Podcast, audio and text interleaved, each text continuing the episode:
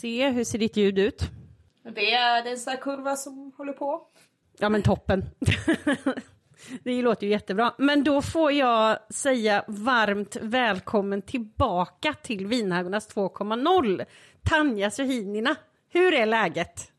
Det är, det är toppen. Jag fick eh, några lediga timmar som jag egenföretagare jobbar på. Det är drömmen. ja men det är ju fantastiskt. Det är ju väldigt, väldigt kul att uh, ha med dig igen. Du var ju med i ett avsnitt som heter uh, relationsanarki. Just det. Uh, och du är ju psykolog och författare och allt möjligt. Vi kommer länka till alla dina mottagningar och allting sånt där. Men du är ju inkallad för att experta idag. Ja, och Ja. jag är också väldigt glad att jag blivit inkallad. Det, eh, jag lyssnade på förra avsnittet med stort engagemang och tyckte det var ett jätteintressant ämne. Ja, men vad roligt att höra. Just som psykolog. Eller ja, liksom. roligt att höra. Men, men det är kul att höra att någon tycker att det är intressant. Men idag ska vi ju köra en... eh, Vi kommer köra en uppföljning på senaste avsnittet om uppryckande ångest. Och lite, lite frågor som har kommit in kring det. Men jag kan ju börja med att fråga hur... eh, Hur har veckan varit Tanja? Lång, lång, lång paus nu för att komma ihåg vad Mm. en vecka är för något. Eh, ja men det vart bra, alltså det vart kul jobb, det vart fint väder, det är roliga människor, så toppen. Men vad härligt. Ja faktiskt. Ja, du nämnde förut också att du hade haft en sånt eh, väldigt lyckat flersamt forum. Ja, jag sitter och pratar om flersamhet med roliga människor och så är det publik och så får de ställa frågor. Och Ja, så får jag liksom nörda in mig med folk jag själv väljer. Så vi Ja. pratade om flersamhet, ADHD, autism och det var ju Åh, vad svårt spännande. att få... Ja, det var liksom, vi hade kunnat fortsätta i tre dygn Ja. oavbrutet tror jag. Otippat när det sitter ett rum fullt med ADHD-människor. Du, jag tänkte på en Ja. grej till!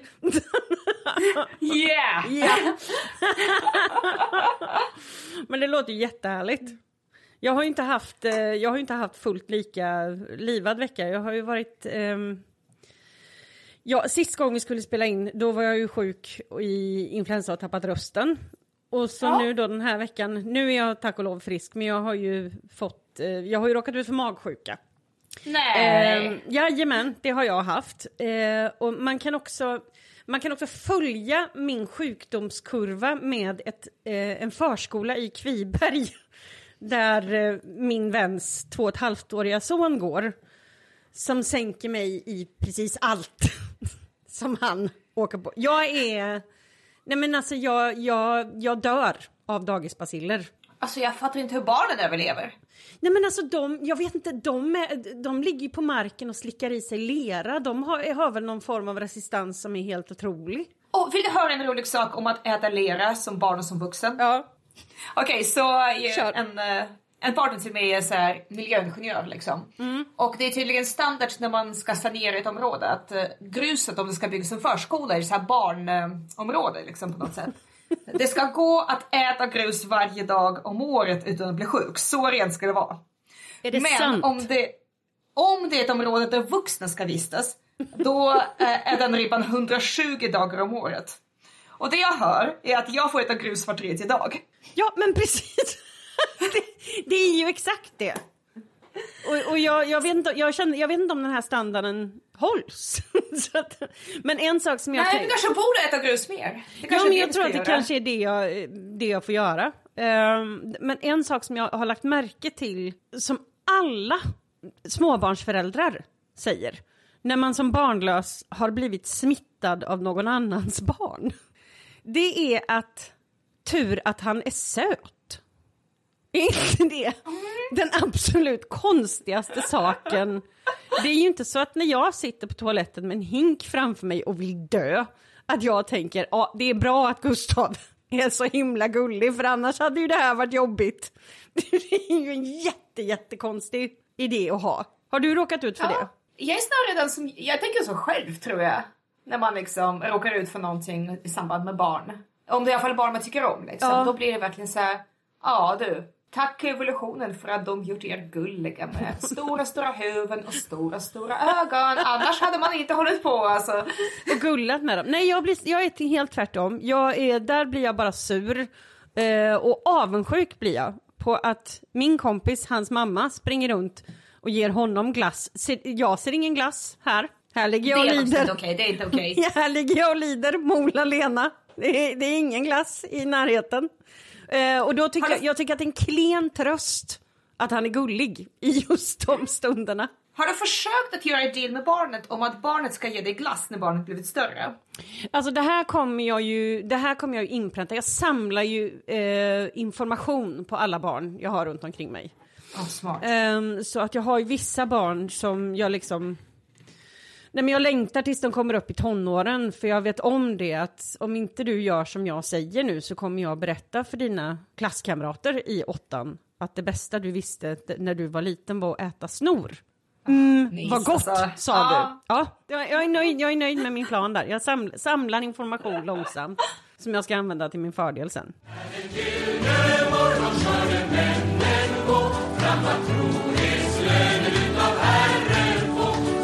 I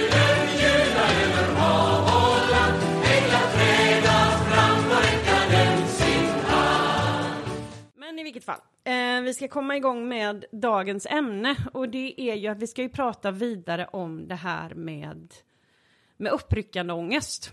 Har du, du har lyssnat på förra avsnittet med Ulrika. Vad var dina tankar när du hörde det? Men jag tänkte på... eh, jag lyssnar på det här som psykolog lite grann för det är svårt att stänga av den funktionen. Precis. Och just det här biten med hur otroligt läskigt det är att tro på det här.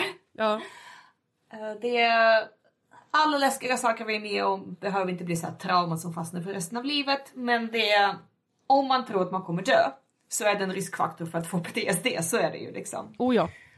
Och det beror också på väldigt mycket på hur ens omgivning reagerar i det här fallet. Så om man liksom är livrädd och får det validerat och stöttat och folk förstår och hjälper till och sådär så är det kanske lite, lite mindre risk medan om omgivningen inte riktigt hjälper till så kommer risken vara större. Och när hela ens omgivning är liksom i det här läget att så här, du kommer dö när som helst och eh, eh, alla är med på det så tänker jag att det här är väl väldigt, väldigt eh, skrämmande. Och det betyder inte att alla som levt i den miljön kommer liksom få trauma för livet, men det är en bra grogrund för det definitivt. Ja, precis. Ja, jag tänker också, eh, eller när jag lyssnade på förra avsnittet, jag har ju lite bakgrunden av Hare Krishna som barn. Just det. Och där levde man ju också i den yttersta tiden på något sätt, eller Kalis eh, tidsålder och allt det här. Och, eh, och det innebär så här, saker som var dåligt karma-laddade var man på något sätt farliga och drog, drog ner ens karma om man ville ha någon sorts bra karmanivåer när det här skulle hända. Och jag minns ändå lite grann, även om vi aldrig var helt insyltade, att eh, ja, men delar av världen blev ganska farliga, inklusive saker som typ choklad. Okej. Ja, Att man någonstans visste att ah, men det här är inte jättebra och det var en helt annan världskarta än för mina jämnåriga kompisar. Att det, man såg liksom en godisbutik eller en mataffär eller bara det att jag gick en så här karmaskola som alltså var den vanliga kommunala skolan. Precis, skulle du bara, Ja, får jag bara, be dig, får jag bara be dig förklara vad en karmaskola är? För att det glömde jag fråga sist du var med. Ja, nej men eh, eh nu vet jag inte alls hur man pratar om det här på svenska för det var inte svenska jag pratade då. Men helt enkelt att det var liksom den karmiska världen, var den här vanliga världen där folk levde. Och de kanske som var lite mer så här frälst och hade en chans på att överleva det här och reinkarneras till något bra gissar jag. Ja. Eh, det var ju folk som höll på med så här gudstjänster och var inne i den här kulturen. Okej. Och då skulle man följa massa regler och så skulle man fylla på sin lilla karma genom att inte äta kött och allt möjligt. Ja, Så- ja, så man kan nästan jämföra det med eh, sakral och profan. Ja precis, Ja, precis. Profanen skulle i så fall vara karma-skola. Men det var så de uttryckte sig. Jag vet inte alls hur man uttrycker sig i samma sammanhang Nej. i Sverige. Men så var det när jag var liten. Men fortsätt om det som du sa om eh, med det här med, med choklad och sånt. Ja, som sagt, vi var inte jättestrikta men det var liksom lite grann som... Eh, ja, men när man vet att vissa saker är speciella så det är nästan som att de så här lyser med en särskild färg. Typ. Oh ja, neon. Att, Ja. Ja, och det är väl lite så som triggers funkar för vissa. Man går in i ett rum omedelbart ser att allt är svartvitt och de här grejerna lyser. Precis. Eh, Och samma sak var det lite med att man visste att men det här är lite farligt. Jag kanske kommer göra det. Mm. Men jag vet också att det här är farligt. Och det var förstås massor med så här ganska ofarliga saker som att ja, man går i en normal skola och eh, Ja, vara kär i en klasskamrat liksom. Precis. Och ät, råka äta någon mat som det var gelatin i. Men, eh, men jag tänker, så även därifrån, eller från, det lilla så eh, kommer jag liksom ihåg där det känns som att vissa saker är farliga. Och man vet ju också att barn försöker tolka världen bäst de kan. De vet att vissa saker är jätte, jättefarliga precis. och försöker undvika dem såklart. Och har man tur så är det saker som faktiskt är farliga. Exakt. Som att så här, dricka teröd för barn är liksom Då, all, allmänt dålig idé. Ja, gå ut i trafiken, inte toppen. Eh, bada utan väst hur som helst. Precis. Dåligt. Men har man lite mindre tur så är det kanske så att hela världen blir någonting som är jättefarligt. Ja, den osynliga världen. Ehm, Det är väl där liksom. Jag, Ja, jag tän- tycker det blir väl en extra nivå där just för att det är ändå lite lättare om det som hotar dig är saker du faktiskt kan se, konstatera och så vidare som alla är överens om. Men är det dessutom någon sorts andevärld inblandat i det här så blir det då finns det faror var som helst. Ja, precis.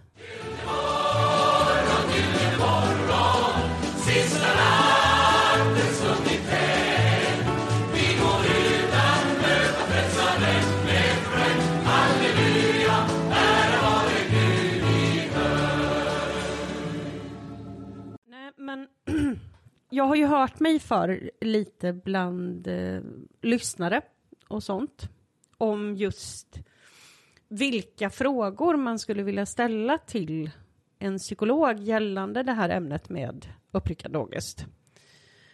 Och då har jag ju fått in ett gäng frågor, så vi kommer ta med en del här i avsnittet. Och jag tänker att en fråga som flera nämnde, den, den lyder så här. Hur mycket påverkar alltså våra olika personlighetstyper hur vi påverkas av det här? Alltså varför är det så att vissa människor är som en gås, det bara rinner av dem, de kan stänga av, medan andra suger åt sig som svampar och blir så otroligt påverkade?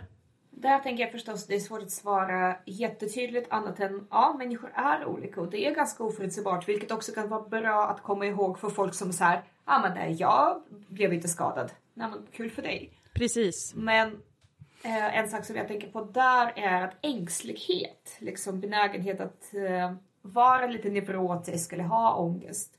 Där verkar det finnas en, eh, någon form av medfödd komponent till exempel. Okej. Som också, i och med att det är medfött, är ganska ärftligt. Mm. Det, är, alltså, det förklarar verkligen inte allt, men det förklarar en del. Mm. Vilket också innebär att ens familj förmodligen också kommer vara så här. Jag tänkte lite det, ja. Och så kommer det förstärkas liksom och så kommer det byggas upp och så kommer man kanske inte få någon sorts här trygghet och tröst man hade fått eh, om det bara var man själv utan om hela familjen håller på så blir det extra svårt för ett barn. Så det tänker jag är en faktor.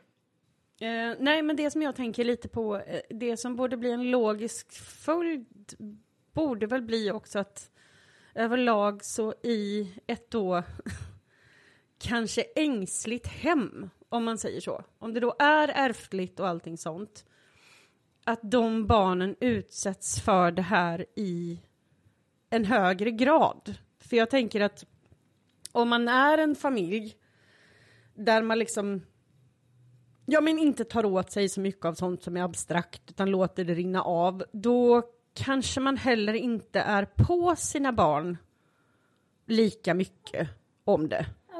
Precis, så jag tänker att man kanske barnanpassar lite mer och Ja, Men kanske inte tänker på det så mycket. Medan man i Ja. då mer ängsliga hem så, så växer det upp ängsliga rädda barn till ängsliga rädda vuxna som är livrädda för att det här ska hända och deras barn inte ska få följa med.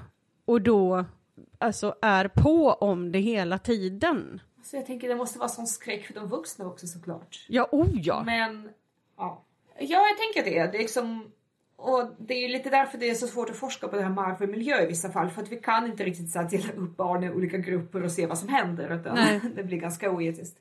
Men det verkar finnas till exempel en liksom, personlighetskomponent och att vissa är mer nervösa av sig. Och, Ja. då, och då blir det också så att man tar åt sig sånt mycket mer. Sen är det väl Precis. förstås, eh, tänker jag, en faktor bara riktigt vad man uppfattar av det här, vilket kan vara extremt slumpmässigt. Jag tänker att alla barn kan höra samma tal, samma predikan, samma budskap och vissa hör Jesus kommer rädda oss och vissa hör ja, kul saga tack. Ja. Och vissa hör det här du kommer dö, alla kommer dö, du kommer lämnas ensam. Precis. Medan andra sitter och tänker på när de ska få springa varvet liksom. Ja, precis. Ja, nej men den är... Den, den tycker jag är, är bra. Eh, en annan fråga som vi fick in, då är det en person som skriver Hur ska man, även om man vet att hjärnan spelar en ett spratt, kunna lugna sig själv när man vaknar i ett tyst rum och tror att Jesus har kommit tillbaka och lämnat en ensam kvar? Och där tänker jag, det här för mig, om det liksom inte bara är ett så här, dryg tanke som dyker upp utan verkligen något som skrämmer upp en mm. väldigt, väldigt starkt. Då talar vi väl ändå liksom någon sorts trauma. Precis. Och idealt ska man försöka få en behandling för det för det är ganska svårt att själv äh, läka sig från trauma när man, i alla fall från en reaktion när man är mitt i den. Mm. Men jag tänker att en sak som kan vara bra kan vara att undersöka eh, lite mer och fundera på eh, när, när man lugnat ner sig lite grann. Vad är det som är så skrämmande? Och försöka komma lite närmare den här tanken när man inte mår så dåligt. Alltså exponering liksom. Att ja. Utsätta sig för den här tanken och någonstans ändå så här vänja sig vid att den i sig inte är så farlig. Så att man kan känna den men ändå agera lite um, kontrollerat liksom. Um, det finns massor med olika uh, traumabehandlingar eller trauma sätt att lugna ner trauma som går ut på att man jobbar med kroppen. Mm. Och där kan man till exempel kanske testa att uh, se om det finns någon yoga som man blir hjälpt av. Om det finns någon meditation man kan testa som involverar kroppen i stor utsträckning så man ändå kan landa lite grann i det här. Man kan um, få lite större kontroll över skräcken när den kommer. Ja. Men jag, tänker det, jag tycker det är viktigt att poängtera att om det verkligen är på en nivå att man på riktigt tror att det har hänt. Fast man är liksom långt borta från det tron. Fast man egentligen inte alls liksom håller på med det här längre. Så låter det för mig som en sån där traumrespons. Det vill säga att man kastas man är inte där man är fysiskt utan man är någon helt annanstans. en flashback, precis. En flashback eller liksom behöver inte vara en flashback till en uh, konkret situation heller. Utan Nej. då kan man flashback till ett tillstånd liksom, eller till en skräck man känt. Och då tänker jag, ja. Nej men jag tänker bara det, då jobbar man mer som man jobbar med flashbacks. Alltså att man mm. försöker hitta triggers, man försöker utsätta sig för triggers, man försöker kanske göra en väldigt konkret plan. Vad ska jag göra när jag blir triggad? Ja men, du vaknar ensam, res dig, klappa kroppen, öppna fönstret. Um, hitta någon sätt att liksom komma ur det lite grann så att man åtminstone hittar tillbaka till verkligheten lite grann och förstår att man inte är i det här skräckscenariot. Men Precis. jag tänker också att det är inte jättekonstigt att sånt där kan dyka upp alltså många år senare för att det, är, det är så trauma funkar att man det kan gå jättelång tid och sen triggas man och sen ja. är man tillbaka i, i bilen som håller på att krascha eller i eh, i kriget eller under övergreppet eller i det här otroligt läskiga skräckscenariot. Precis. Det där är ju en fråga som vi har fått in av många. Dels så har många frågat, alltså kan, det här, kan de här upplevelserna ens klassas som PTSD? Just, just jag nämnde ju det i, i förra avsnittet att det är eh, många som sliter med skam. De skäms ja. för att den här ja. rädslan inte, inte vill släppa. Och att mm. man tänker att man är... Ja men som sagt, det är som att säga att man är 42 år och tror på tomten. Mm. Vad har du för tankar om det här? Är det här faktiskt någonting som kan utvecklas till PTSD? PTSD är två saker. Dels är det en linje symptom som mm. är äh, allt från äh, att man dissocierar, alltså att man till exempel inte uppfattar vissa sinnesintryck. Mm. Äh, till, det kan vara det, det kan vara att man reagerar orimligt starkt på vissa saker, att man, återupp, man har mardrömmar, återupplever saker om och om igen som är flashbacks. har påträngande minnen eller tankar som påminner om det som, är, som var så här farligt och jobbigt. Så dels så är det det här symptombiten. Mm. Och sen en sak som är speciellt för just PTSD för att vara en ångestdiagnos är att det faktiskt finns ett uttalat tanke med vad som eh, orsakar det. Mm. I depression och så här, väldigt många andra ångestdiagnoser så behövs det, det, liksom, det behövs ingen så förklaring på hur det blev så. Nej. Men i PTSD så är det viktigt att det fanns en traumatisk händelse eller en serie traumatiska händelser. Och så finns det ganska tydliga definitioner för vad som är eh, traumatiskt och där är en stor liksom, gemensam faktor är att man upplever att det är någon sorts livsfara som händer en själv eller händer ens anhöriga. Precis. Och jag tänker att här, om man är väldigt sekulär av sig, ja. så tror jag inte att man förstår att det där faktiskt var en livsfara. Nej. Uh, och både liksom för egen del men också för ens vänner, ens familj, att det var liksom så himla omskakande. För att så allvarligt man... som man uppfattade liksom. Ja, för det var ens verklighet liksom. Och PTSD eller trauma bygger inte på den faktiska faran utan på den upplevda faran. Så, Just det. Ja. Och det är nyckelgrejen här för mig. Det är liksom att om man faktiskt trodde på det där så var det nog lika farligt på samma sätt som att bli rånad med pistolattrapp kan eh, många tycka det är väldigt skämmigt att de inte ja. förstod att eh, det inte var på riktigt och var så rädda. Men om man inte vet så är det ju som en riktig pistol. Exakt. Det, det är det, det som är så... Det är det som är så svårt. Och, och just, just kring den här grejen med, med alltså, traumarespons, och det är en så otroligt bra liknelse.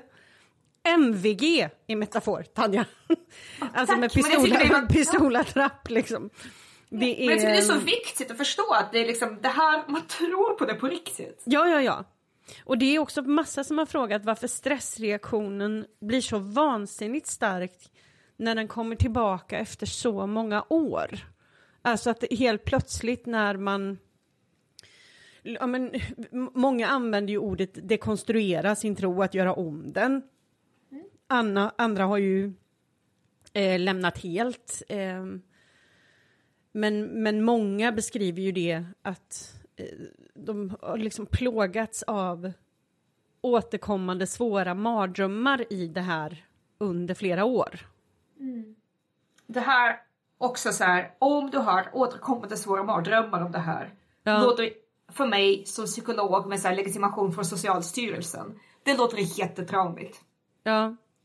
Även om det var liksom, även om du idag ser det där som hittar på när det hände, så var det verkligt för dig. Ja. Men jag tänker varför det kommer tillbaka så starkt är väl dels kanske att man Ja men lite grann att man kanske inte är lika van vid att ha det här ångesten. Jag tänker det när man är i en situation som är farlig hela tiden mm. så reagerar man ofta inte lika kraftigt på ja, man, olika yttringar av det här för att man är, man är i beredskapsläge jämt. Ja, ja, nej men det är, det är ju det är 100% stab, stabsläge. Ja. Ring, ring Lena Hallengren omedelbart. mm. Ja, och jag tänker om man liksom lever med det här konstanta tron att världen kan gå under när som helst och jag kan dö, eller jag kan liksom inte dö men ja, allt det här kan hända. Mm. Uh, jag är tillbaka i PTSD-biten med döendet men att det kan hända hemska, hemska, hemska saker som är liksom nästan värre än att bara dö liksom en mer så här, uh, vad heter det, inte religiös utan uh, ja, sekulär mening. liksom att man ja. Uh, det här det besk man beskriver de här sammanhangen är liksom väldigt uh, nästan värre än vanlig död. Så ja, när man är i det här läget hela, hela tiden så är man lite så van, man lär sig att leva så, orientera sig i det här och på något sätt. Och sen försvinner det och sen har man stängt av de där skyddsfunktionerna man hade för att klara sig i den världen. Och så mm. blir man triggad och så är man så himla öppen och så har man kanske inte heller det här skyddet man hade när man var troende på det sättet. Precis. För att jag menar, då var man också, då trodde man väl förhoppningsvis att någon, det fanns eh, rättvisa och det fanns hjälp att få och det fanns frälsning och det fanns... Ja, inte bara det, utan i många församlingar så var det fanns ju en sån enkel förklaring på det där. Ja, ah, du har hemska mardrömmar om Jesus, ja ah, det är djävulen som attackerar dig. Mm. Eh, det, bet det betyder bara att du är extra viktig för Gud. Ja, och alla de där skyddsmekanismerna som man ändå hade, nu har mm. man inte dem. Nej. Man kastas tillbaka till det där och man har inte sitt skydd och då blir det jätte, jättejobbigt för att man är inte beredd och man har inte längre något sätt att förhålla sig till det. Nej, precis. Det var, det var en fråga i, i det här som jag tyckte var så, så himla intressant som jag aldrig har tänkt på. Jag, jag för att det handlar just om en förlossningssituation. Eh, och jag har, ju, jag har ju inte barn. Så jag tänkte att jag läser upp den här frågan för att det var en väldigt, väldigt spännande ny synvinkel. Hon skriver så här. Kanske inte riktigt en fråga, men för mig så triggade sista tiden ångesten plötsligt igång i 30-årsåldern när jag fick barn. Jag hade en stor skräck för uppryckandet och sista tiden som barn, men tyckte att jag hade släppt det för länge sedan. Men den här skörheten man har som nyförlöst ihop med ångest för att inte vilja dö och ha hand om ett helt nytt liv förstärktes jättemycket av att under så många år levt inom citationstecken på randen av döden. Jag insåg att jag levt hela livet fram till dess med en känsla för att jag måste vara redo att dö och möta Gud varenda sekund och plötsligt ville jag verkligen inte dö och det var skräckinjagande att inte vara redo. Jag har fattat det som att det är vanligt med mycket existentiell ångest och rädsla för att något ska hända en själv eller barnet eh, när man är postförlöst. Kan det triggas ytterligare av just religiösa läror och borde det kanske finnas psykologer kopplade till vården av gravida och nyförlösta med den kompetensen, funderar jag på.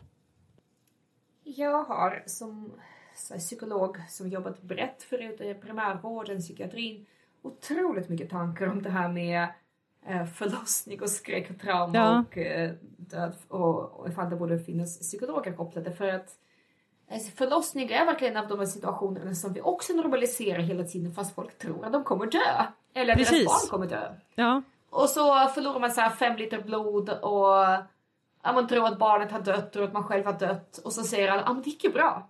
Ja. Och så lämnas man helt ensam med den här ja. erfarenheten av dödsskräck. Och för vissa går det över jättebra och läker sig själv och för andra gör det inte det och så blir man väldigt, väldigt ensam med de känslorna.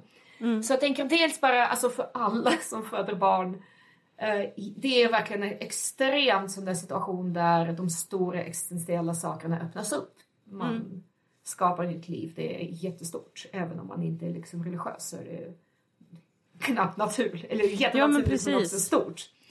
Men jag tänker också en annan sak som händer där är förstås att plötsligt så är det inte bara mig själv jag ska ta hand om. Det är så påtagligt att det här lilla, lilla livet är så beroende av mig. Och det är stort. Och jag tänker också en annan sak som jag upplever att många som varit med om svåra saker som barn får tillbaka när de själv får barn. Mm. Är att man förstår, man får så barnperspektivet tillbaka. Fast från vuxet håll, man förstår hur små de är. Ja. Och när man är liten, man tänker på något sätt att man är så stor som man blir. Precis. Så uh, man är, tycker inte så konstigt att folk säger att du kommer dö om du man, vet, äter choklad eller gör det här eller du kommer inte ja. till himlen om du drar sin kompis i flätan eller liksom. Men eh, när man är vuxen som tar hand om ett litet barn, man ser hur små och värnlösa de är, så blir det så himla uppenbart. Alltså hur fan kan man göra så mot ett barn? Ja, verkligen. Alltså det blir så Nej, nej men det, det, är så, det var, det var ju faktiskt just det du säger, hur kan man göra så här mot ett barn? Det var ju en fråga som jag fick in där en bara skrev en mm. mening. Bör viss bibelundervisning barnförbjudas? Och ibland kan jag känna lite att ja, faktiskt. Så här, barnanpassas. Ja, ja Berättas precis. på åldersadekvat nivå, när man i alla fall liksom tas på allvar. För att också någonstans, barn är ju gjorda för att egentligen klarar av ganska stora uh, emotionella påfrestningar. För ja. de, alltså allt är nytt för dem och det är skitläskigt när, alltså till tut är så här, din enda trygghet är borta, oh din enda trygghet är tillbaka, oh den är mm. borta, oh den är tillbaka. Så det, de är lite gjorda för det. Men någonstans att förstå att ah, man, man kan hålla på hur som helst, man ska ändå kolla av hur just det här barnet tagit emot det tänker, det behöver inte ens vara särskilt hotfulla saker för att ett barn ska tolka det som väldigt hotfullt. Nej, och jag tänker också eh, hur, hur bisarrt det blir liksom för nu är ju inte alla kyrkor i Sverige lika extrema som i USA, men det finns ju här också med just det här extrema med att eh, allting sexuellt är livsfarligt. Men det är liksom inga konstigheter med att tuta i ditt barn att se nu till att du är härligt frälst. Annars kommer du hem en dag då är alla borta utom du. Ha det gött, hej! Ja. Så, så, det blir det är jättekonstigt. Och jag tänker också alla borta utom du är väl liksom på något sätt den mest grundläggande barnskräcken. Oh ja. Att uh, dina trygga personer kommer försvinna. Ja, precis. Det är ju det. det är ju så standard. Men, men ja, jag, jag, tycker att det är en... Um, det, det, är en, det, är ett speciell, det är ett speciellt sätt att ta sig an barnpedagogik. Så kan vi sammanfatta det lite med. Um, jag att... tänker, uh, en sak jag kommer att tänka på när vi pratat om barn är mm. uh, min, Neil Gaiman fick någon gång en fråga om hur han kunde skriva en skräckbok oh, för barn. Det är min favoritförfattare. Tycker du om honom också? Det är aldrig... Jag har inte läst den på jättelänge men uh, jag Uh, jag blev alldeles för exalterad. Ja. Förlåt, jag, det är aldrig någon som vet vem det är. Jag blev så till mig. Va? Fortsätt. Jag tror jag umgås, jag tror jag umgås med lite för mycket med ingenjörer för att här är så här, så här, och så här, folk som jobbar på science fiction-bokhandeln. Man bara, jag har inte läst Neil Gaiman på 20 år. Åh uh, oh, gud, jag, skulle, jag, ja. jag, skulle kunna ha, jag skulle kunna ha en hel podd där jag bara pratar om hans böcker. Ja, nej, men, ska, vi, ska jag ta om det här från början? Ta om det från början, förlåt. ja. Just när vi, när vi pratar om eh, barn och vad de upplever som läskigt så tänker jag att eh, på Neil Gaiman fick en fråga om att skriva en skräckbok för barn för att han skrev en bok som heter Coraline och den har den är ganska otäck liksom. Just det. Och den riktar sig till kanske så här tioåringar. Och han svarade att så här, nej, men det är bara vuxna som tycker att det är konstigt för att barn har på riktigt monster under sängen. Precis. Vuxna tänker att barn lever så himla trygg värld men barn, alltså om barn tror på det där så är det så. Ja, ja. Och det här tänker jag också, det är liksom viktigt att komma ihåg att å ena sidan barn är ganska, tål ganska mycket men också ja, ja. deras verklighet är riktigt läskig och om man håller på och matar den och det råkar träffa fel så kan det bli väldigt, väldigt jobbigt. Ja, men alltså det är ju just det som är, är saken att Alltså fantasi och sånt där, det är ju en annan, det är en annan sak. Då, för då, det pratade vi om i förra avsnittet, att när det kommer till skräck, och, alltså otäcka saker och sånt, i alla andra fall så går ju föräldrar in och säger att det här är inte på riktigt. Mm. Eh, det bor inga häxor i din garderob. Vi kollar under sängen, det är inga monster där. Eh, men i det här fallet så för så himla många så presenterades det som en absolut sanning. Ja, och det är precis det. Omgivningens reaktion och omgivningens hantering av situationen är en jättestor del av det. Och det är ju precis lite, det är ju lite på ett sätt samma sak som att man skulle säga att ja, häxorna bor i din garderob, ja, det bor monster under sängen. Alltså föda de här sakerna som barn mm. går och tänker på det kan ju alla enas om hade varit helt sjukt. Ja, jag tänker att det, det är ju väldigt mycket mycket så här, tro, andlighet, religion är ju födda för att på något sätt förklara att vissa saker är farliga och de ska vi akta oss för. Mm. Och sen kan vi inte riktigt förklara varför det är farligt med just det här så vi, vi, vi hittar på något. Men, vi drar något ur röven. Det går fort. Ja. Yeah. Och det är som troll i skogen och allt möjligt. Man skulle, det är liksom generellt sett inte bra att eh, uppfostra barn som är rädda för allt. Det är bra att liksom lära barn att akta sig för saker som faktiskt är farliga. Men det är väldigt, väldigt få människor som mår bra av att odla sin ångest. Precis. Om vi säger så. Det är mm. inte barn, inte vuxna. Nej. Nej, det är väldigt sant. Tänker, eh, tro skulle väl också kunna vara så här, eh, alltså det är bra att vara snäll. Ja. Så här är man snäll. Om du gör fel, kom vi pratar om det, vi, vi reder ut det. Liksom. Det, är, Precis. det kan man lösa. Men då ska det finnas stöd. Liksom. Då ska det finnas... Eh, det ska inte finnas en känsla hos barnet att barnet är självt i det där.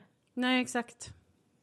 Den, den, den blir jättespeciell. Men jag tänkte så mycket på just det, den här berättelsen om att Alltså jag, jag kan inte föreställa mig, för jag, det, jag kan, det jag kan sätta mig in i, i hennes förlossningshändelse, det är ju den här fruktansvärda ångesten över att känna att man vill leva, att man vill stanna kvar, att man inte är redo att dö för Kristus när som helst. För att det här, det är ju så döden-fokuserat. Tittar man på lovsången så, som sjöngs så var det ju mycket det här, låt mig dö från allt som är mitt eget, eller eh, jag vill ge mitt liv på stridsfältets höjder. Det var martyrskapet har ju alltid hyllats på något sätt. Och jag tänker också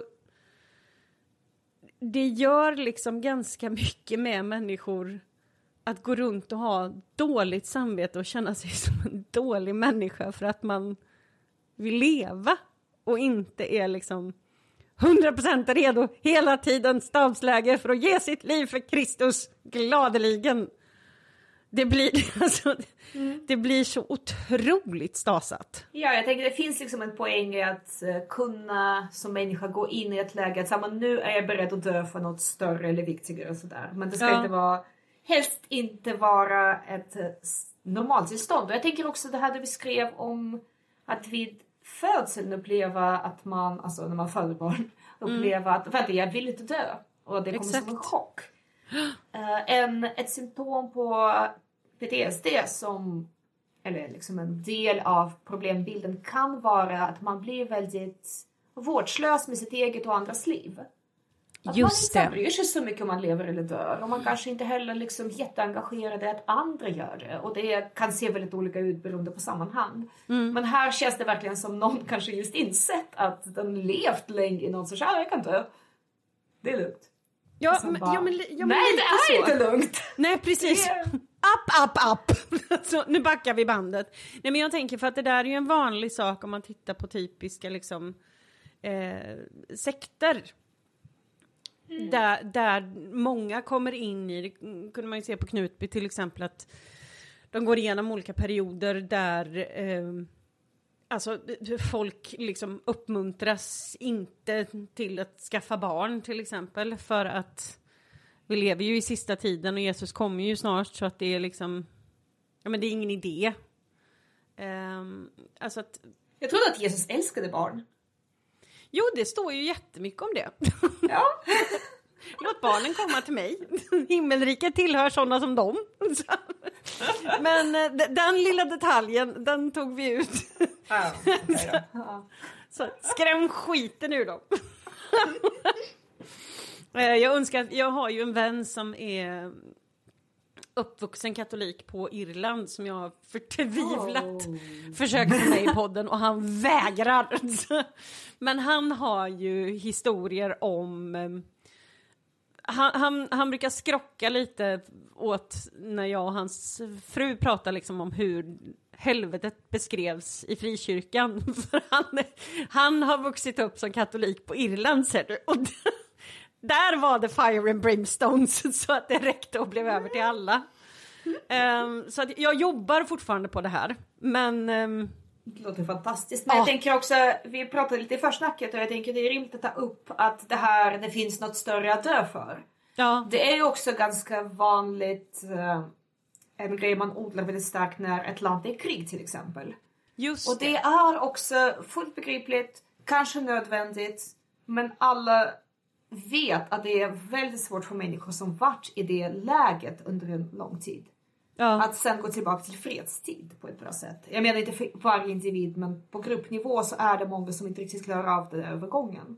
Precis. Och det tänker jag också samma sak om man liksom länge varit beredd att uh, jag kan dö när som helst eller liksom det här livet spelar ingen roll egentligen. Ja. Så kan det också vara väldigt svårt, alltså rent känslomässigt. Man är som en veteran att så landa i att ah, men nu är det lugnt.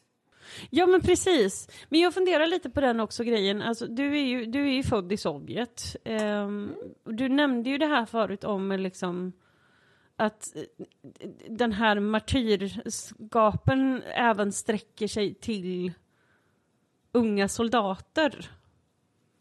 Ja men jag tänker, uh, jag tycker det är väldigt intressant att se det här arvet kulturellt jag fick från just, alltså inte ens Ryssland utan Sovjet ja. med Alltså också väldigt mycket snack om martyrdöd, att man ska beredd Mm. att liksom offra sig för fosterlandet och hela den grejen. Och dels, alltså, det kanske inte är enda orsaken, men det verkar inte vara så man bygger ett fungerande samhälle där alla mår bra. Tror inte det. Nej. Men det är också det är en grej som verkligen gör det väldigt tydligt att ett människoliv inte är värt särskilt mycket, vilket eh, gör att folk kan, kan ta ganska stora friheter och beter sig väldigt illa för att i det här så finns det också en idé om att det, är inte så jättevärdefullt att bevara varje människoliv om alla ändå ska vara martyrer för något större. Mm.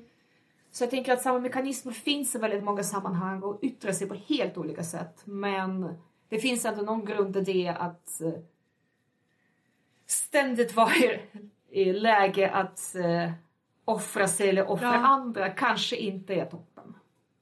Nej, det, det, det, jag, jag skulle inte säga att det föder en miljö där man liksom... Åh, så fridfullt. Ja, och liksom det är för många kan det, det kan vara svårt att se mening i att liksom ta hand om eller bygga, fram, bygga en framtid och sådär. För att, Mm. men varför då? ja, men precis. När den gyllne morgon de avsomnade träda fram ur gravarna att Herren se Jubelrop och sång ska fylla himmelen Ty din kära evigt mötas får igen Men jag tänker lite så här att nu har vi ju pratat lite om just den här grejen med att gå runt i stabsläge och vara konstant beredd på att ge upp sitt liv för Kristus um, och hela balletten. Um, jag, jag fick in en jättebra fråga om det här.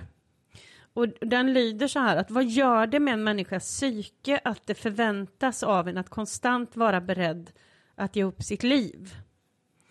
eh, det här konstanta stresspåslaget. Och, och jag vill lägga till också att inte bara psyket, utan vad gör det i hjärnan och i kroppen? Jag tänkte, um, jag fick ju några minuter för att själv tänka på den här frågan och jag kom på att alltså, en nyans av det här som också är viktig att alltså bli, ge sitt liv för Kristus och bli bortryckt eller så här. Det är en sak man ska vara beredd på. Men att inte ge sitt liv för Kristus är väl också en, ett skräck. Oh ja. Och det är liksom det här samtidiga gör, ger en väldigt, väldigt lite handlingsutrymme tänker jag. Ja, det- exakt så. För att det är ju det som är saken, att många var ju lika rädda för att bli lämnade kvar som de var för att bli uppryckta. Ja, alltså äh, allt verkar ju jätte, jätteläskigt i det här och vilket också gör att man... Det blir väldigt svårt, tänker jag, när det liksom finns lite handlingsutrymme att känna agens i sitt liv, att man känner att man faktiskt får känna efter och fatta beslut. Det är mycket lättare att i så fall på något sätt försöka följa regler och inte improvisera så mycket, inte känna efter, inte göra saker som egentligen passar en själv bättre utan liksom försöka göra rätt så gott det går och nästan så här försöka göra något bra även, eller försöka göra något som man är trygg i istället för att göra det som är bäst för situationen. Ta säkra kort liksom på något sätt. Ja. Så. Eh, Jag tänker också det känns ju så otroligt um, som något som ställer in en väldigt mycket på att ständigt leta faror och tecken. Oh att ja. man inte liksom bara kan slappna av och ta in sinnesintryck utan Ja. man söker efter vissa signaler. Vilket Exakt är eh, typiskt eh, traumatisk situation eller traumatisk respons grej. Mm. Att man inte kan processa sinnesintryck för att man är för upptagen med att leta faror. Eller förbereda sig på faror. Ja, precis. Och det, dels så är det otroligt stressande såklart. Alltså det, man får inte slappna av, man får inte bara så här, titta på en vacker blomsteräng utan att eh, tänka på att det här kan vara det sista man ser eller vad det nu kan bli liksom. Ja, Man, det kan vara svårt att planera livet framåt för att man har den konstanta osäkerheten i att eh, ja, tänk om jag är jättebra nu men tänk om jag gör något fel i framtiden.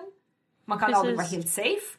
Men eh, det kan också, det här kan ryckas undan när som helst. ja. Och där tänker jag vissa kan hitta en otrolig trygghet i det också. Ja, det finns regler och jag vet så här, om jag följer dem så kommer... Eh, allt det här jobbiga från jordet kommer försvinna, jag kommer hamna på rätt lag, gud vad bra det kommer bli. Så för vissa är det säkert en väldigt trygg grej. Och det är Oh ja. därför det också funkar på något sätt. Det är därför det upprätthålls.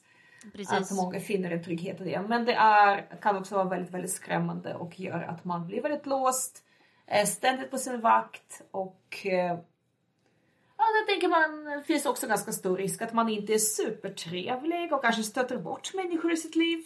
Jag vet inte om det låter bekant, men jag har hört att det är vanligt i sekter. Ja, jo, alltså det, det, blir ju lite, det blir ju lite den grejen att om det är någon som vill kritisera det för mycket, då är ju inte de super, supervälkomna. Men jag tror väl att i lite mer så här vanlig eh, frikyrka liksom, så är det väl mer den här att du har ju inte bara skräcken för att ehm, bli uppryckt, att bli lämnad kvar. Du har även skräcken att alla människor du möter som inte tror på det här, att det är ditt ansvar att berätta för dem. Att om inte du gör ditt jobb som härligt frälst god kristen så finns risken att de här människorna aldrig får reda på det här och går förlorade. Och då är det Ja. ditt fel. Ja, Den är skön att ha det- på sina axlar. Ja, men dels det här liksom eh, på något sätt. Um, alltså dels tänker jag om vi fortsätter på det här, man blir kanske inte så trevlig spåret så kan man bli ganska otrevlig i sitt försök att frälsa sin omgivning. Jo, jo tack. men jag tänker också, ja, det är ju verkligen någon sorts eh, eh, vanlig balans där man känner att man får en kontroll och koll på situationen genom att göra allt till sitt eget ansvar. För att om allt är mitt ansvar så Just kan det. jag påverka saker. Mm. Människor tycker inte om när man inte har kontroll liksom, över saker som är viktiga. Så här kan man verkligen så här, känna en stark känsla av att ah, men jag vet världen är förutsägbar. Jag kan påverka saker genom att uh, frälsa alla jag ser. Om, om de inte blir frälsta så är det mitt fel. Men det är också lite så är det mitt fel så var det jag som kunde göra någonting åt det. Så det är skönt att jag har lite kontroll i det här. Ja men precis, jag tänker också att det, det när ju människor som inte är helt o, oförtjusta i sig själva. Om, man, om man säger det så. Host, host, Ja. Runar. Mm, jag tänker att det kan finnas så många olika personlighetstyper eller stereotyper som kan eh, på, på olika sätt falla för det här. Mm. Eh, Det kan ju också vara ganska skönt att vara... Jag menar om man ändå inte ska tänka för Alltså om man ändå ska bort, om man ändå är så himla... Inte så mån om sig själv längre för att man... Alltså... Varför ska jag måna om mig om allt är farligt och... eh, Jag är inte riktigt närvarande större delen av mitt liv för att jag är så traumatiserad.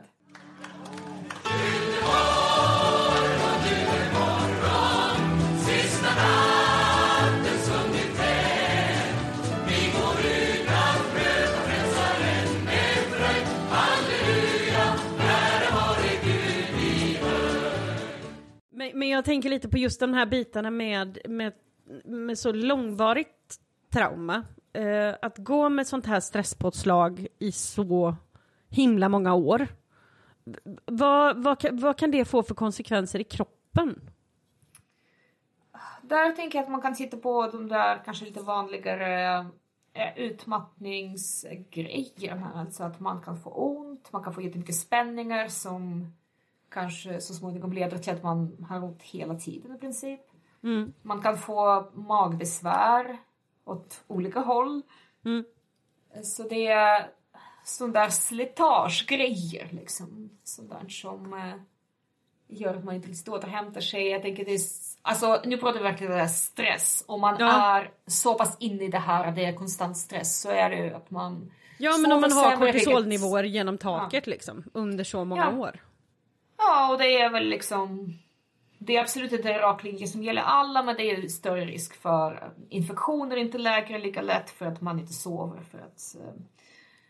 um, för att man inte har det här inflammationen som ska se till att saker funkar på ett rätt sätt. Nej, men det, är liksom, det är ganska komplext, men jag tänker liksom... Det som ganska tydligt märks för många som är stressade under längre tid, det vill säga sömnbesvär, magbesvär, eh, smärta. Så smärta i kroppen eh, Ja, kan vara i liksom... kroppen, precis. Mm. Ja, Och smärta i kroppen leder till mer eh, spänningar och mer magbesvär och mer sömnbesvär och så blir det en sån där återkommande grej. cirkel. Ja, och så blir det mer ångest eh, för att man är smärta är signal på fara i kroppen och det är något som inte är bra. Så det blir en väldigt självförstärkande grej som verkligen kan hålla på ganska länge. Plus såklart alla grejerna med minnet. Att det blir svårt att fokusera. Man kanske liksom får en symptombild som ser ut som ADHD fast man inte har ADHD. Exakt, att- ja precis. och jag tänker Ja. allt det här är förstås inte en så här, vissa människor det rinner av dem eller de läker snabbt och sådär. Det- gäller inte alla men det finns ju absolut en risk med att ständigt känna eh, skräck och rädsla. Ja, precis. Alltså det, det är ju... Jag tror, jag tror att det blir så himla svårt också. För jag hade ju... Jag hade ju min lilla idé om att det här liksom lugnades ner. Eh, alltså eh, för de som är födda liksom, ja men säg 84 och framåt. Men det har ju kommit in liksom eh, ganska många som, som vittnar om att som är en bra bit yngre, som är liksom runt 30 och som ändå liksom låg, låg uppe hemma på kvällarna och låg och grät för att de var livrädda vid åtta års ålder.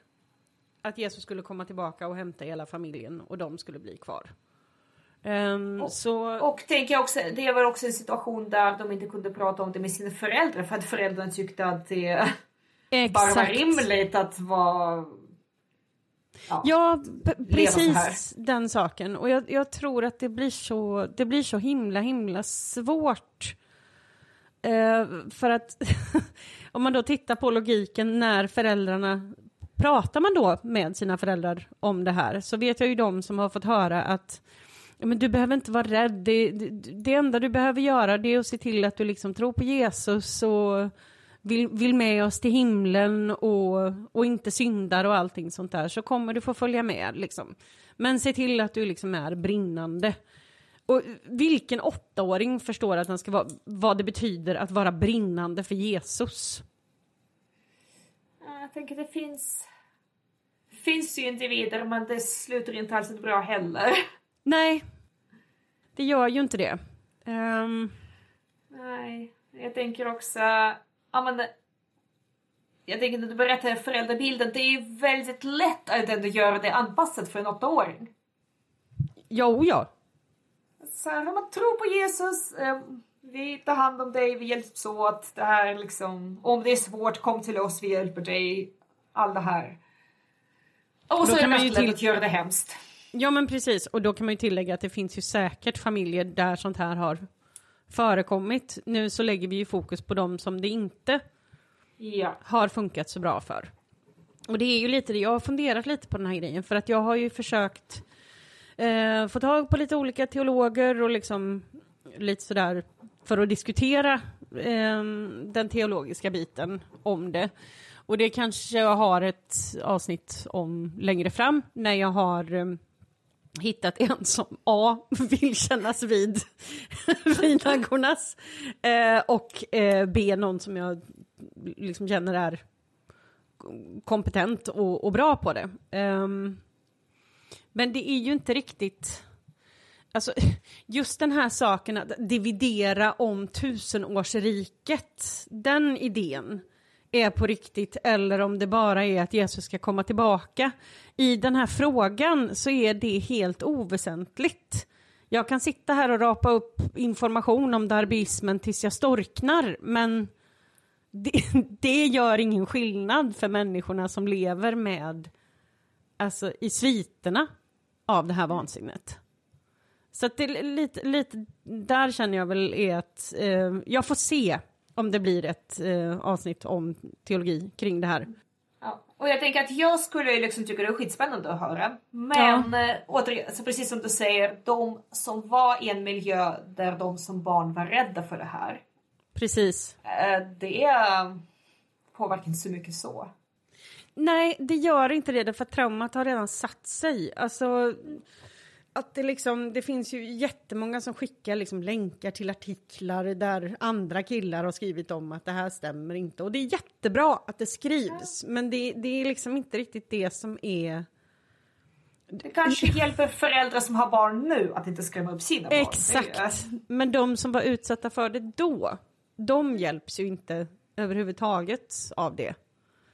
Och så tänker jag också att det är, det är bra att påminna sig. Tack och lov så brukar de flesta människor självläka ganska bra. Och även om det finns vissa saker man triggar på så är det inte full on PTSD nödvändigtvis. Så man behöver Nej. inte så här, titta på prognos för att dö i förtid om man har PTSD eller något sånt där. Bara för Nej, att man precis. kan få flashbacks ibland. Men eh, det som är viktigt här för mig som psykolog är det är upplevd livsfara. Ja, precis. Att det, ja, men pistolattrappen. Ja. Eh, det är den. Bästa metaforen på, på länge. Den är, den är toppen. Men jag har en, en, en fråga till om det här. Um, jag skulle vilja liksom att i och med att det är många som går igenom det här just nu för att många blev triggade av eh, covid och många blev triggade av kriget i Ukraina och hela balletten. Um... Ja just det, där hade jag faktiskt en tanke om varför. Eh, för att person du pratade med i förra avsnittet. Ja. Eh, där blev väl kriget i Ukraina en eh, stark sån trigger. Allt kom tillbaka det. lite grann. Mm. Och där tänker jag att en mekanism som kan förklara det lite grann är att eh, man, man fick höra liksom att om du lämnar kyrkan, om du inte tror längre, om du inte tror på just det här sättet så kommer allt bli jättehemskt. Just det. Och så har man lämnat det här och så händer inte den katastrofen. Och så kan man då vagga sig in i att man släppt hela den grejen liksom. Ja. Bara för att man fick så himla tydlig bevisning på att ah, vänta lite, världen är kvar. Uh, inget så här, inga farsoter liksom, inga, inget blod, inga gräshoppor, inga grodor. Precis. Lugnt. Och sen händer de här grejerna som faktiskt ja. är. Alltså den skalan och den närheten. Nej men det är fruktansvärt. Jag måste bara säga ja. det för att det, det, det slog mig när jag tänkte på det här. Att, alltså jag, började, jag skrattade bara rakt ut för att det är så vidrigt och hemskt. Men tänk dem som lämnade tron i början av 2020. Va? Yep. Hej och välkommen till Rövknullad AB. Hur kan vi hjälpa er idag? Alltså det där måste ju vara det värsta som har hänt någon någonsin. Alltså tänk dig först covid och sen så när man liksom har fått andats ut i en millisekund då invaderar Putin Ukraina. Nej men alltså jag tycker så synd.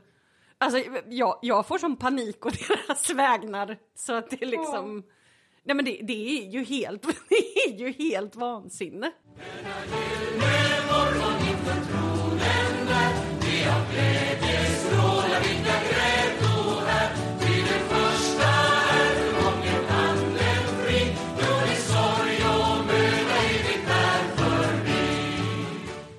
som flera har frågat, det handlar om det här, anser du att vi som har de här problemen med till exempel, ja men som Ulrikas upplevelse på, på gymmet eller med svåra mardrömmar eller med det här konstanta liksom eh, på, skräckpåslaget som alltså har, har, har dykt upp, kan dyka upp när som helst, de här triggerserna.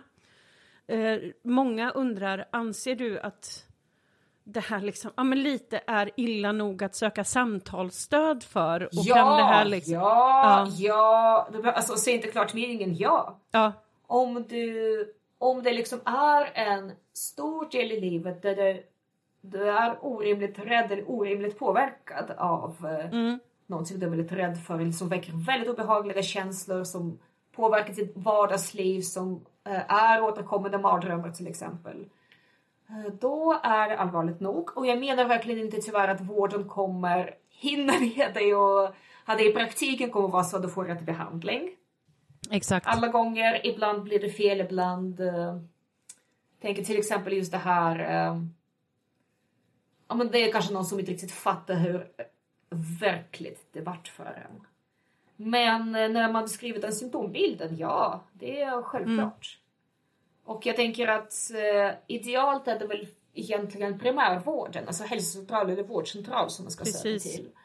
Och där, jag tänker om jag ska liksom försöka taktika för att få bra hjälp Ja. så är det bra att gå in på den här symptombilden. Just det. Alltså inte hej jag var liten eh, och trodde att Jesus fanns på riktigt. Ja. Här, inte den biten ofta utan mer eh, var, en gång i veckan de senaste tre åren har jag drömt om eh, det här, det här, det här. Eh, Eller jag eh, får hjärtklappning, panik och overklighetskänslor varje gång jag hör eh, jag inte, radionyhetsmelodin eller alltså vad som Ja. helst. Man kom in på det här väldigt konkreta symptombeskrivningen. Vissa blir svimfärdiga av att gå förbi en frikyrka till exempel. Ja. Ehm, ja. ja. Och Men, det är- men det där är ju ett toppen, toppenråd, så att fokusera på eh, vad du upplever och inte börja förklara direkt. Precis, utan Mm. det komma senare. Men det man behandlar är ju lite grann så här, varför är det jobbigt nu? Ja, Eh, och sen är det verkligen inte så till exempel att KBT bara jobbar med symptomen, inte orsaken. Det är, alltså, traumaterapi ska ju också jobba med orsaken. Mm. Men däremot så, alltså, för att man ska få behandling så ska man få ha besvär. ja. Så Och man ska vara jag också- symptomfokuserad. Mm. Ja, och där tänker jag jätteviktigt att tänka på är egentligen trauma till exempel. Och det är det vi pratar om mycket här. Ja, Eh, det finns symptom som är så kallade positiva symptom, alltså att man upplever mer än man borde uppleva. Man till exempel får hjärtklappning eller man har mardrömmar, alltså det tillkommer obehag. ja. Men det kan också finnas symptom som kallas mer för negativa, att man inte upplever saker man borde uppleva. Till exempel att man Okej, hur då? kanske får...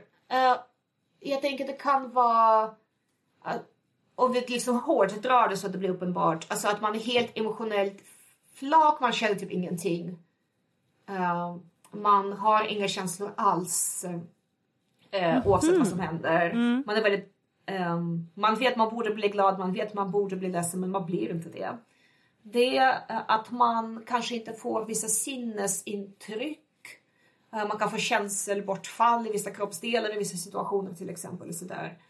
Eh, Det kan vara att man eh, inte minns saker man borde minnas. Ja, Som ja, men till exempel om man ändå i liksom någon sorts medveten ålder råkade ut för en jättekraftig eh, påverkan av det här liksom skräcken över att något övernaturligt religiöst, vad man kallar det, kommer hända. Ja. Och så är det verkligen stora sjok av den här perioden som inte finns med i minnet. Det kan vara Okej. eh, ett symptom. Och det tänker jag, det är sånt där som, eller bara att allt känns som på film. Man känner sig inte närvarande i verkligheten. ja. Alltså, Man dissocierar, just- man kopplar ifrån, man, Ja, man försvinner. dissociera liksom. är precis det, det verkliga ordet. Men jag tycker att allt känns som på film är det som man ofta... Ja, det är beskriver jättebra beskrivning. Ja. Och det tänker jag är bra att eh, om man ska försöka förklara sina symptom för en eh, vårdpersonal så är det bra att inte bara ta upp det här, så jag får hjärtklappning och typ ont i magen och eh, ja, vad som helst. Utan också vad man inte upplever som man borde uppleva. Och de är lite svåra att få tag på Ja. men eh, det kan ibland vara den starkare symptombilden och där kan man ta tag i vänner och sina liksom, anhöriga om de är snälla och bra och sådär. För att eh, de kan ofta se som där som eh, man själv inte ser. Typ att de märker att du stänger av i Just vissa det. situationer. Mm. Så där, om du känner att Oj, det här känns väldigt bekant. Ja, men, sätt dig ner, prata med människor du litar på. Se om, kolla om de märkt någonting. Mm.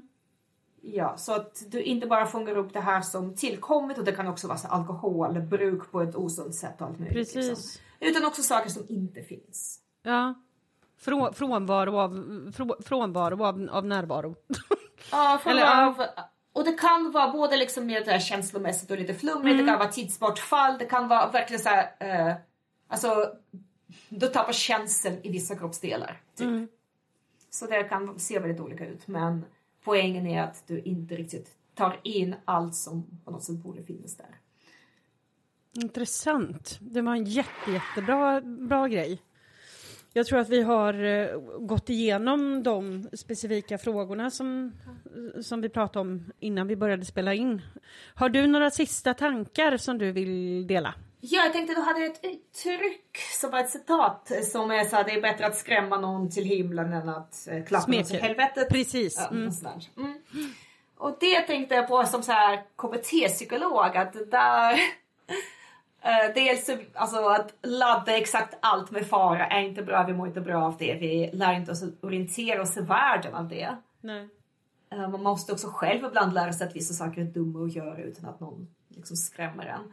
Men också att vi vet så här, generellt sett så är det bättre att belöna rätt än att bestraffa fel. Exakt. Så om man nu vill uppfostra goda medborgare och barn så är det kanske ändå bättre att så här, skrämma lite mindre och belöna när de gör vetsiga saker eh, på ett sätt som de eh, känner en belöning. Så det ska inte vara något som du själv upplever är belönande och för dem är det bara jobbigt eller konstigt eller betyder ingenting. Och gud vad kul, jag fick, jag fick förmånen att städa kyrkosalen den här söndagen. Vil- Vilken, vilken gåva! Ja, precis. Tack så mycket. Jag Tack, ska omedelbart gå Jag ska, jag ska genast fortsätta på det här spåret. Ja, men det tänker jag liksom, det är ändå liksom, nej det här, det här kan jag debunka. Det här stämmer inte. Och sen ska man absolut liksom, och ibland kan man ju inte riktigt förklara varför någonting är farligt. Jag tänker så här, lycka till med att förklara för ett barn varför man inte ska stoppa in fingrar i eluttaget. Så ibland behöver man kanske skrämma lite, men Ja, oh ja. eh, minimera. Minimera den biten och maximera belöning för när man faktiskt gör bra grejer. Precis. Um, ja, men det, tycker jag, det tycker jag låter som en, eh, en väldigt, väldigt bra avslutning. Dig får vi väl hö- höra mer av framöver hoppas jag. Ja, vi får se det. Det är jätteroligt att vara här uppenbarligen för att nu har vi suttit och snackat i en och en halv timme igen. Ja, så. precis. Ja, ditt problem att klippa, inte mitt. Nej, exakt, men det löser jag. Det är så himla kul att prata med dig. Detsamma. Vi ska avrunda här nu, men jag vill säga världens största tack för att du har varit med idag och tagit dig an detta ängslighetsbonansat och traumapartyt. Stort tack för att jag fick vara med. Jag, tänker, jag hoppas verkligen att jag inte irrade bort mig i psykologiska förklaringar utan lyckades förmedla saker som, man, som är viktiga att höra. Ja men det gjorde du verkligen. Det har, varit, det, har varit, eh, det har varit toppen för mig som har spelat in. Och vi kommer ju höras eh, framöver. Du är ju etablerad hedershagga nu så att det är ju... Härligt! Ja, tycker vi ska nog dricka vin någon gång när vi spelar ja in. det ska vi göra. Jag, jag har Ja. ju planen på att ta mig upp till, eh, till Stockholm i sommar så då, då träffas vi IRL. Ja, perfekt. Ja, toppen. Ja, Fan vad kul. Ja, eller hur? Och, Och så- som sagt, jag har varit fan lång tid. Jag är så glad att få vara med. Jag är ett fan av dig med. Du är toppen. så himla Nej, men du lägger på. Nej men Du du får får, lägga på. lägga på först. Äh, du. men fantastiskt. Tack så mycket Tanja så hörs vi nästa gång. Ha det gött, hej.